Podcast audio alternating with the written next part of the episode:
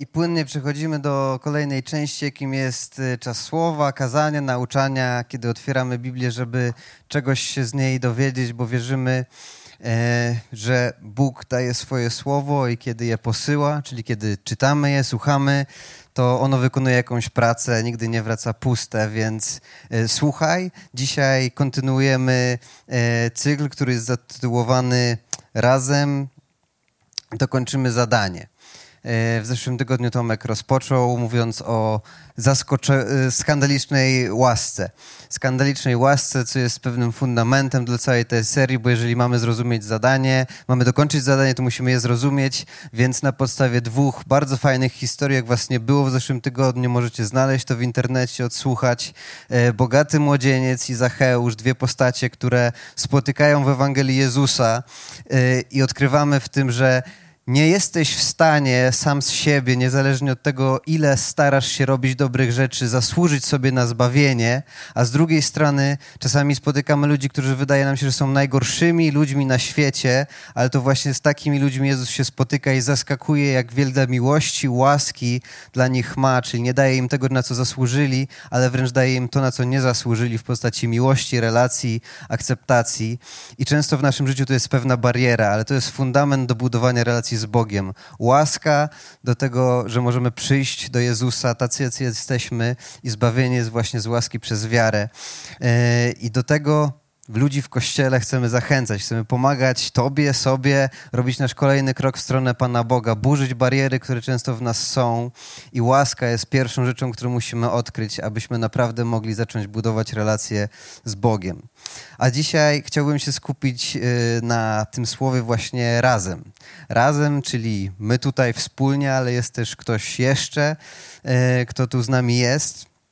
Więc w ramach wstępu chciałbym, żebyście zobaczyli dosłownie dwie minuty fragment rozmowy Jezusa z Nikodemem, fragment wycięty z serialu The Chosen, do którego zachęcił mnie kiedyś Adaś i Asia, prowadzący dzisiaj uwielbienie yy, i z żoną staliśmy się fanami, są już trzy sezony, jest to po prostu Ewangelia w formie serialu, jeżeli jeszcze nie odkryliście, to zachęcam, fajna forma do spędzenia wieczoru, żeby poznać lepiej tę historię, ale zobaczmy, krótka historia, krótki fragment rozmowy Jezusa z faryzeuszem o imieniu Nikodem. Co przyszedłeś nam pokazać? Królestwo. Tego właśnie obawiają się władze. Nie takie królestwo. Więc jakie?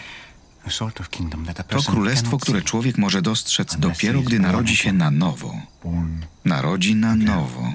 Tak. Masz na myśli przyjęcie naszej religii przez Boga? Nie, to co innego.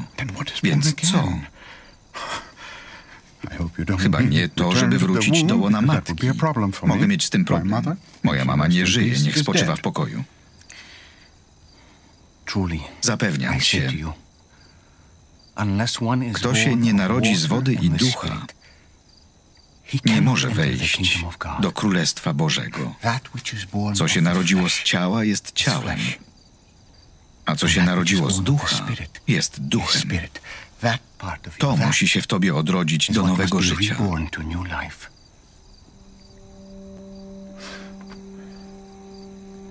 Jak to w ogóle możliwe? Jesteś nauczycielem w Izraelu, a tego nie wiesz? Staram się. Wiem.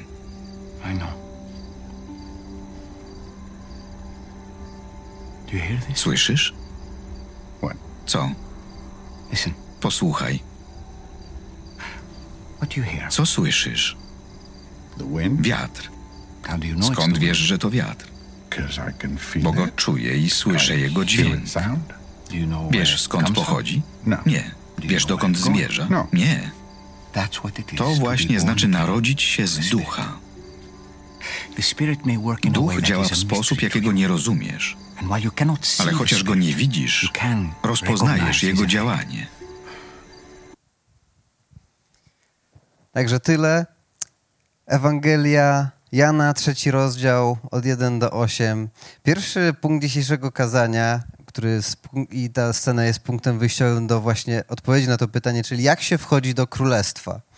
Jak się wchodzi do królestwa? Jezus na pytanie, po co w ogóle, co on robi, jaki jest jego cel, mówi, że przyszedł pokazać królestwo. Czytamy dokładnie tak. Był wśród faryzeuszów człowiek o imieniu Nikodem, radny żydowski. Przyszedł on do Jezusa w nocy i powiedział: Mistrzu, wiemy, że przychodzisz od Boga, jako nauczyciel nikt bowiem nie mógłby czynić takich znaków jak ty, gdyby nie było z nim Boga. Jezus odpowiedział: Ręczę i zapewniam, kto się nie narodzi na nowo, nie może zobaczyć Królestwa Bożego.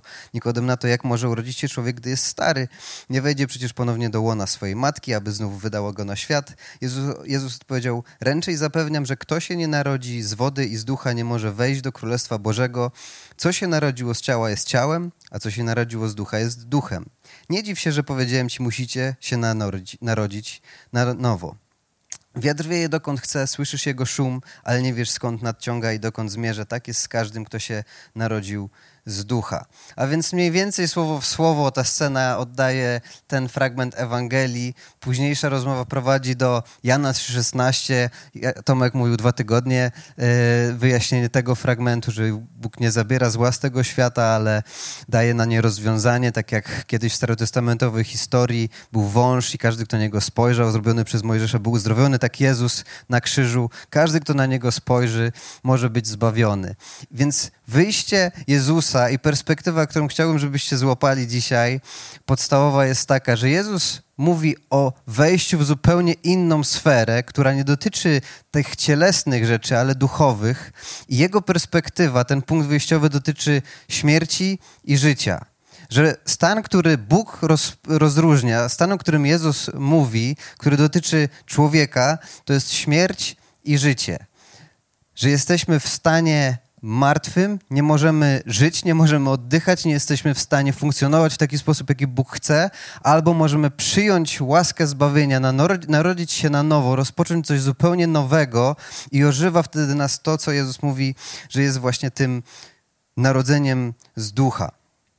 A więc jest to kluczowa myśl do dzisiejszego kazania, ponieważ jeżeli mamy jakiekolwiek zadanie na tym świecie, które polega na tym, że gdzieś wokół ciebie być może przychodzisz do biura codziennie, a być może jesteś zamknięty w home office, ale jakimś cudem nie jesteś odosobniony przez cały czas od ludzi, tylko cały czas mamy z nimi kontakt. Czasami to jest nasza rodzina, najbliżsi.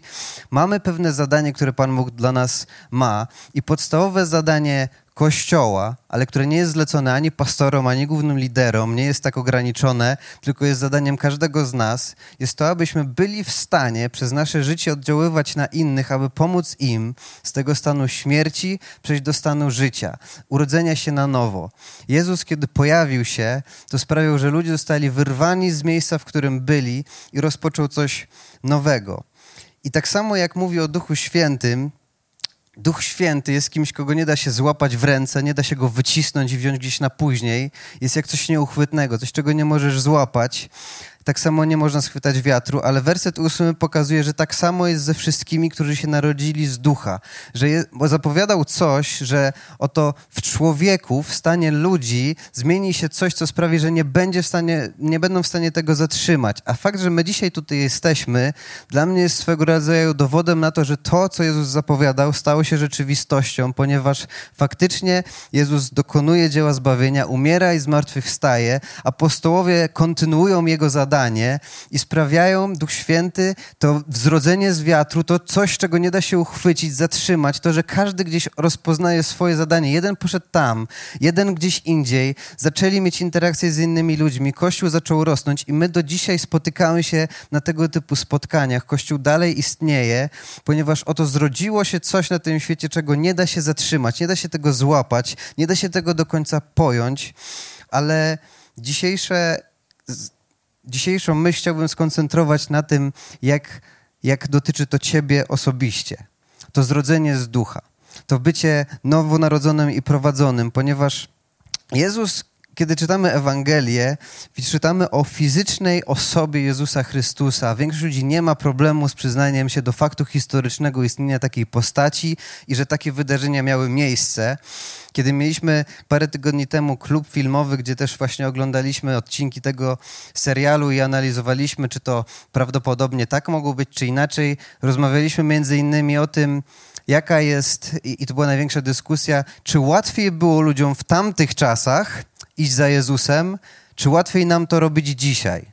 Więc perspektywa jednych była dość oczywista. No wiadomo, że łatwiej było w tamtych czasach, tak? Podchodzi do ciebie ktoś z krwi i kości, dotyka ciebie, widzisz go, widzisz rzeczy, które, y, które robi, widzisz cuda, które się przez niego dzieją, szum po prostu się, i tu, szum się wokół niego zaczyna rodzić, tłum zaczyna za nim iść, więc dołączasz się i ty. Dołączają się ludzie, których zaprasza i zaczyna to być czymś bardzo, bardzo łatwym. Ale dzisiaj, 2000 lat później, jesteśmy w miejscu, gdzie można powiedzieć, mamy inne korzyści niż oni. Mamy Biblię, zasadzie na wyciągnięcie ręki w telefonie, w internecie. Mamy niezliczone ilości kazań. Nie trzeba gdzieś stać w tłumie i słuchać tego, co Jezus mówi. Mamy to w każdej formie. Audiobook, y, serial, y, telefon. To jest na wyciągnięcie ręki. Mamy dużo łatwiej niż ludzie w tamtych czasach, żeby zapoznać się z treścią tego, co mówił. Mamy dużo łatwiej, aby stać się częścią wspólnoty, bo kościoły są wszędzie, a nie trzeba jechać akurat tam, gdzie Jezus podróżował. I dzieje się to, i, i, napięcie między tym, czy łatwiej wtedy, czy łatwiej dzisiaj, jest cały czas y, aktualne, ale posłuchajcie Ewangelia Jana, 14 rozdział. Uczniowie, którzy są razem z nim fizycznie, są, przebywają wśród Jezusa, słyszą od niego pewien komunikat, który właśnie zapowiada to, że zaraz zniknie. Czytamy, czyli druga, drugi punkt, Jezus zapowiada przewodnika po królestwie. Pierwsza rzecz, zaprasza ludzi do tego, aby stali się częścią Bożego Królestwa przez narodzenie się na nowo, ale chce, abyśmy też w tym Królestwie mogli się odnaleźć, każdy osobiście, aby móc przez nie przechodzić tak, jak nam to zaplanował. Fragment jest dość długi, ale przeczytajmy. Jeśli darzycie mnie miłością, mówi Jezus do uczniów, będziecie wypełniać moje przykazania. Ja natomiast będę prosił Ojca i On da wam innego opiekuna, aby był z wami na wieki ducha prawdy, którego świat nie może przyjąć, bo go nie widzi ani nie zna. Wy go znacie, ponieważ trwa przy was i będzie w was. Nie zostawię was sierotami, przyjdę do was. Jeszcze chwila, a świat nie będzie mnie już oglądał, lecz wy mnie będziecie oglądać, bo ja żyję i będę i wy będziecie żyli. W tym dniu wy sami poznacie, że ja jestem w mym Ojcu i wy we mnie, a ja w was. Ten, kto zna moje przykazania i wypełnia je, jest człowiekiem, który mnie kocha. Tego z kolei, który mnie kocha, miłością otoczy mój ojciec i ja będę go kochał i objawię mu samego siebie. To jest ten moment, kiedy czytam Biblię i wiem, że pani z polskiego, która uczyła mnie w szkole, powiedziałaby, że to nie jest najlepszy tekst.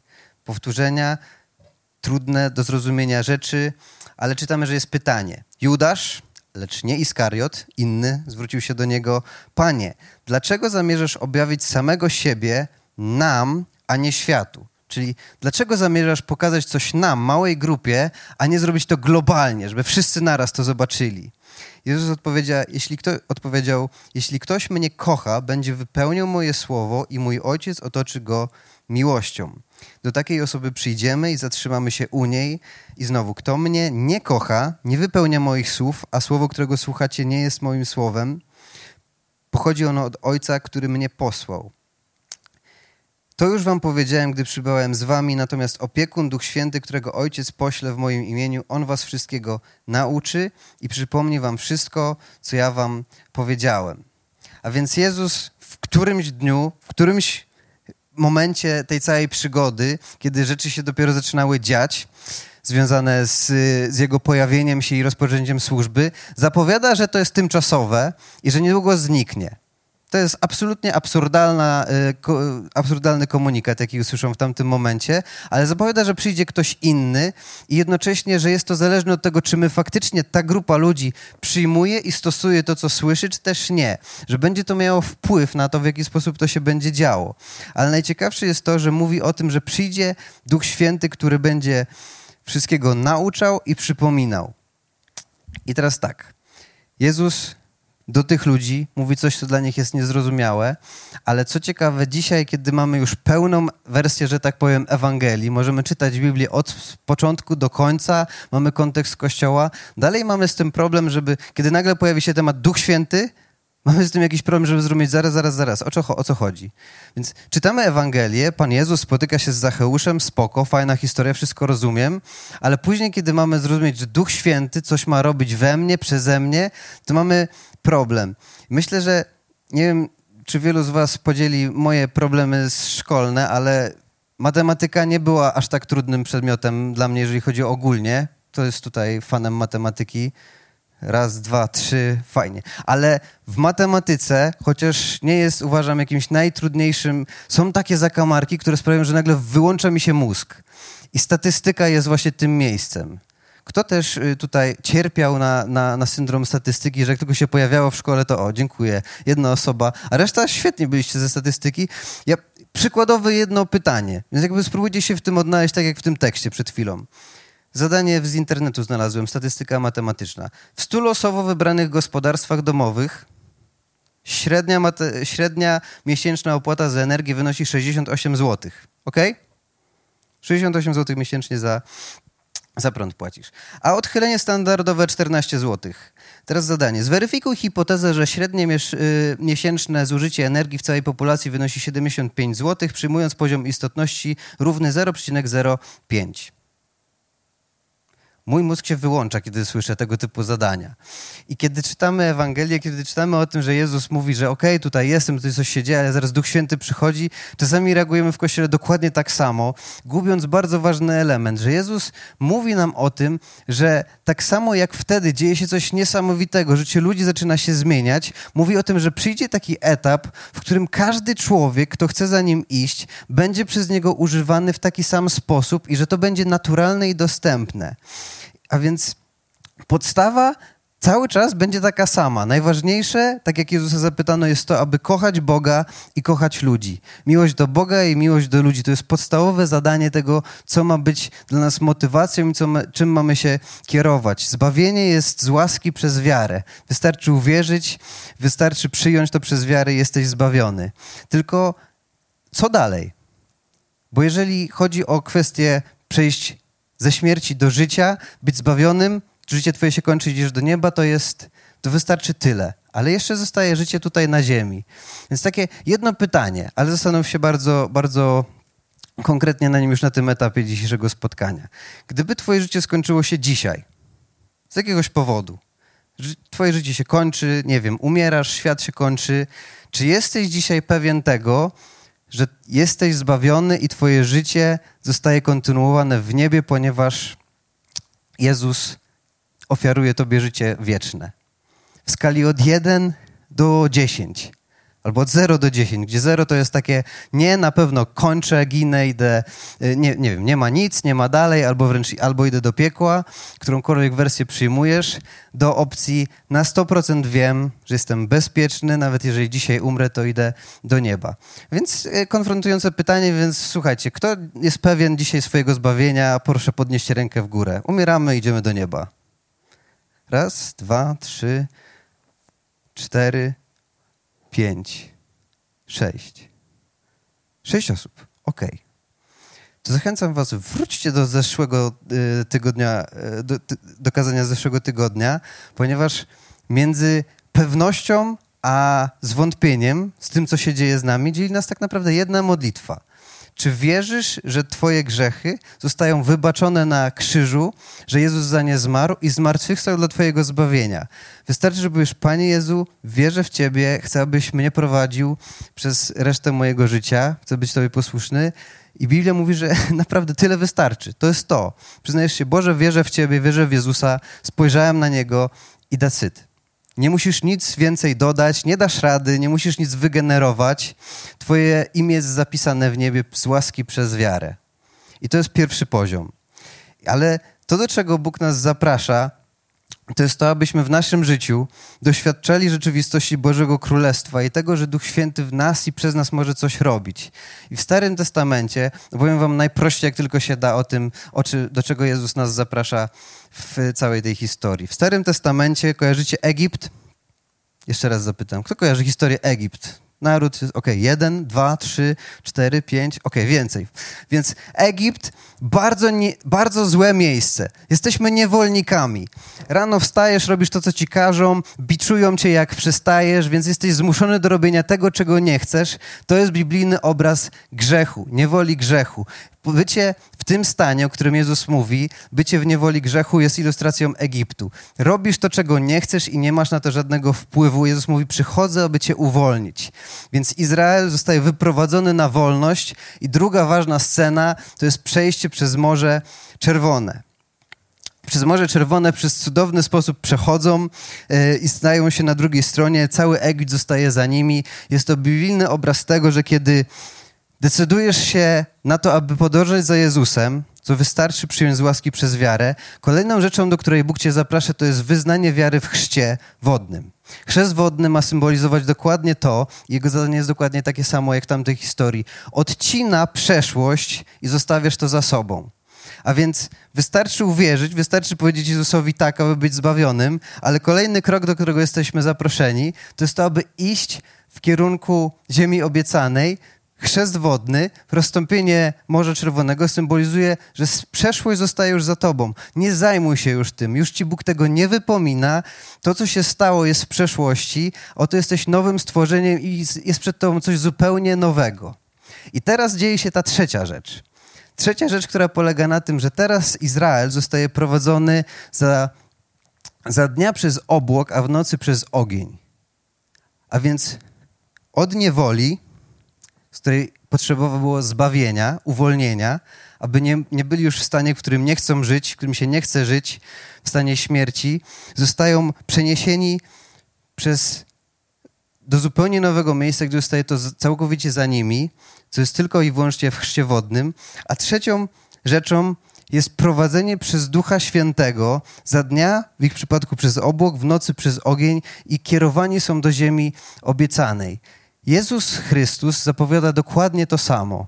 Mówi: Przychodzę, wystarczy na mnie spojrzeć, aby być uwolnionym z niewoli grzechu. Mówi, i uczniowie później to kontynuują, chrzczą ludzi, Jezus sam chrzci się e, chrzcie który był zapowiedzią, tak jestem grzeszny, jest, jest grzech, zmywam to, chcę iść za Jezusem, oddaję życie Jezusowi, jestem zanurzony w wodzie. I to jest ten drugi etap, odcinam przeszłość, idę do przodu, ale Jezus mówi, że trzeci etap jest taki, że zostajesz chrzczony w Duchu Świętym. I od tej pory, tak jak czytamy w wersie w wersecie ósmym jest napisane, natomiast opiekun, Duch Święty, którego Ojciec pośle w moim imieniu, On was wszystkiego nauczy i przypomni wam wszystko, co ja wam powiedziałem. I teraz pytanie. Nauczy i przypomina.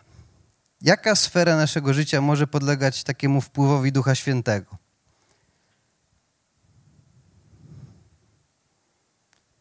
Przyswajanie nowych informacji albo przypominanie sobie tego, o czym już wiesz, ale nie jesteś w stanie w tej chwili wydobyć. Nasz umysł, kochani, nasz umysł bardzo często wykręcamy się, jak słyszymy o Duchu Świętym, jakby to były jakieś, oglądaliśmy jakieś rzeczy w internecie, słyszeliśmy o dziwnych historiach, mamy, kojarzymy jakieś bardzo dziwne, charyzmatyczne kościoły, a Jezus Chrystus zapowiada Ducha Świętego i mówi bardzo konkretnie, On będzie was uczył i będzie wam przypominał. On będzie się wami opiekował, będzie was prowadził. Tak samo jak Izraelitów prowadził, tak samo będzie was teraz prowadził. Nie będzie to uzależnione od, tak jak w tamtym momencie Ewangelii, od dokładnego miejsca. Będzie to dostępne dla wszystkich w każdym czasie. A więc Jezus Chrystus chce, abyśmy doszli do tego miejsca, w którym jesteśmy w stanie przyjąć Ducha Świętego, aby nas prowadził. Dlatego kazanie dzisiejsze zatytułowałem Duch Święty i my, Wyrywając to konkretnie z dziejów apostolskich 15 rozdziału, gdzie ma miejsce spotkanie ludzi wierzących, którzy mogą rozwiązać bieżący problem i mówią tak. Uznaliśmy bowiem za słuszne, Duch Święty i my, nie nakładać na was żadnego innego ciężaru oprócz tych rzeczy koniecznych, które wcześniej były wymienione.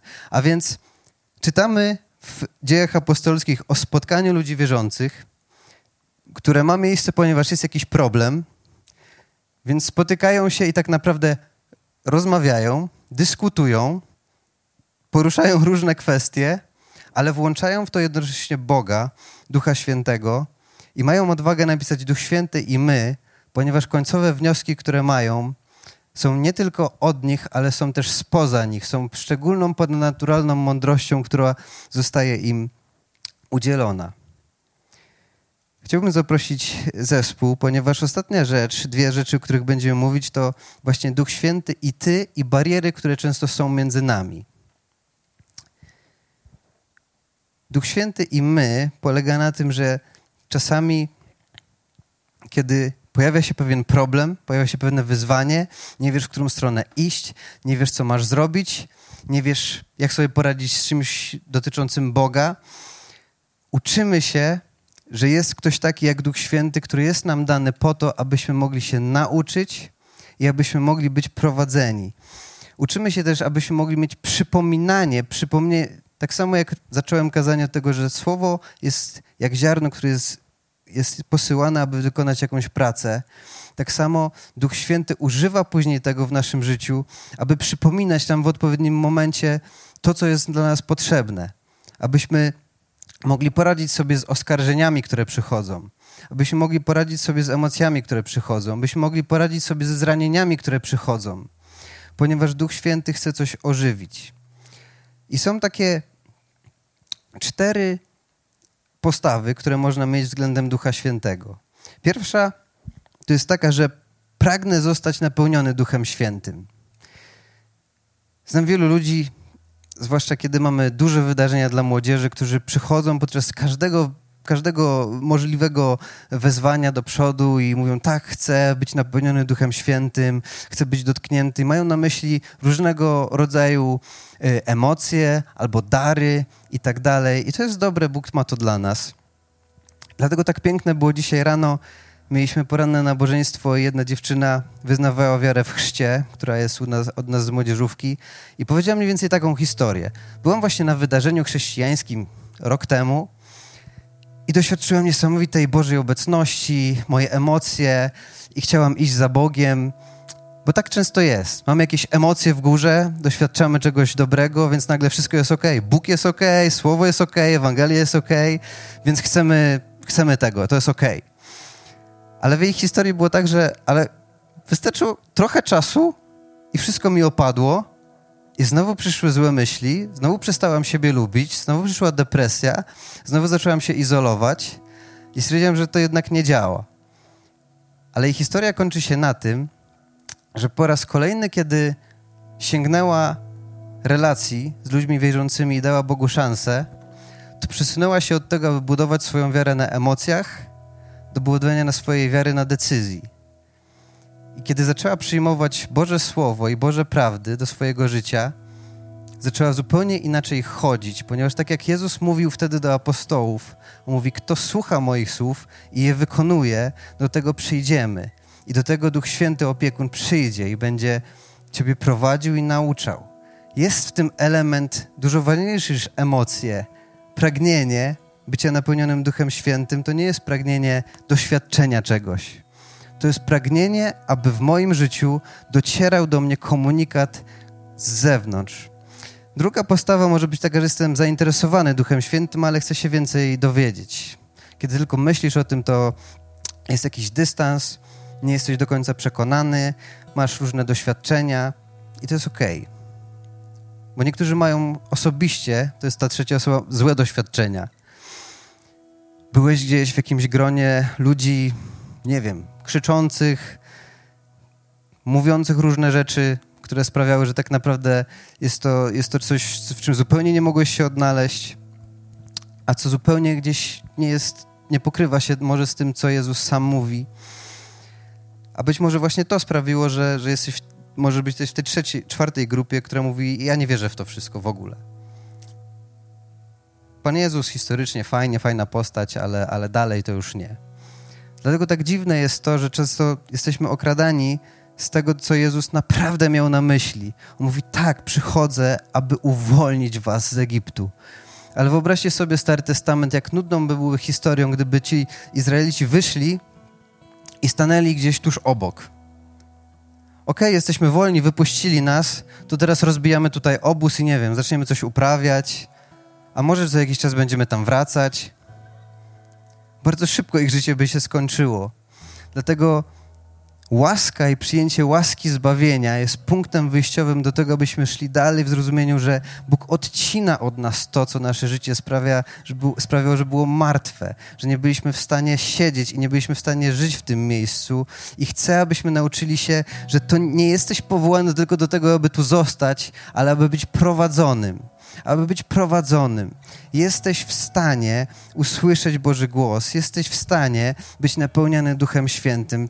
Wielu z nas jest zupełnie inaczej skonstruowanym przez Pana Boga. Mnie żona nauczyła, że jesteśmy tak naprawdę w takich trzech grupach. Że jedni z nas bardziej działają przez rozum, są takimi intelektualistami. Musisz sobie wszystko wyjaśnić, wytłumaczyć, żeby wiedzieć, jak tak naprawdę się odnaleźć w tej sytuacji.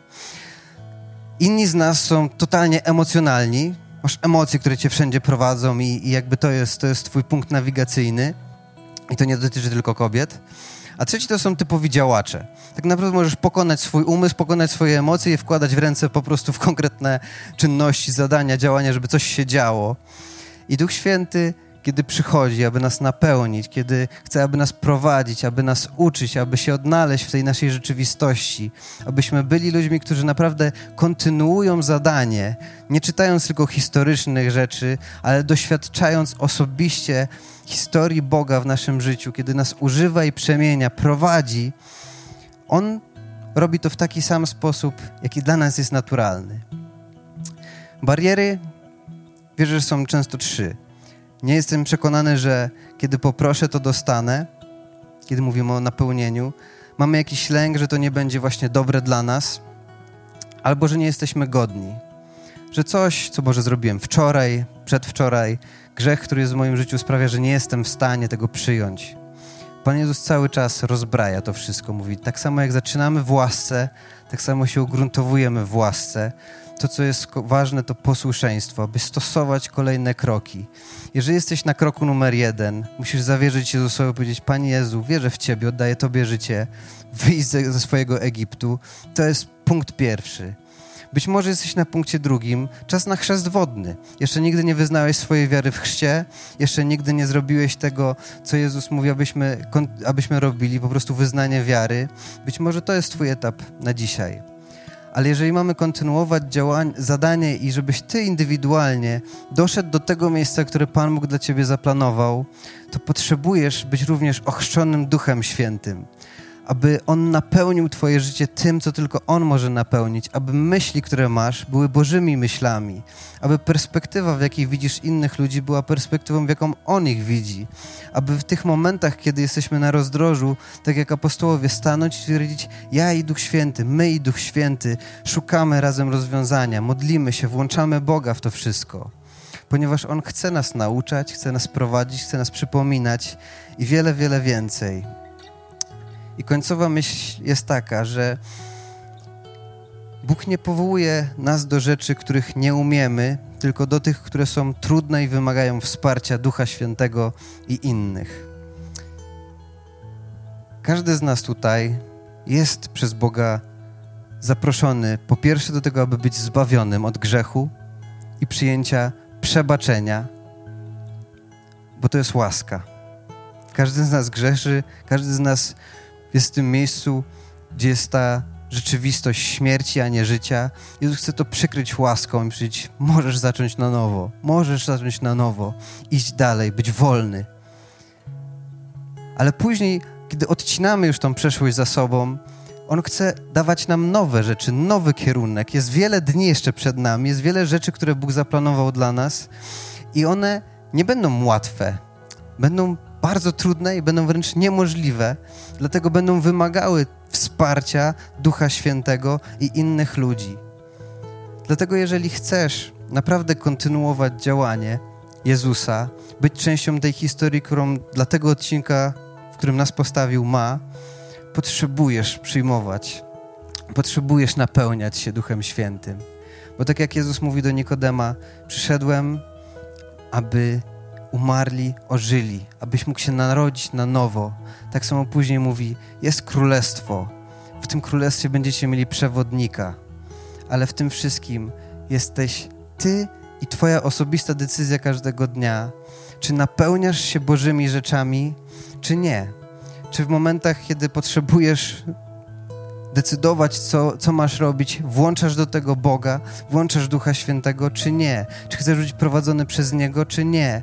To będzie osobista decyzja, ale gdzieś zaczyna się od tej pierwszej decyzji. Oddaję życie Jezusowi, wyznaję wiarę w chrzcie. Proszę, aby Duch Święty mnie napełnił i później, aby mnie prowadził.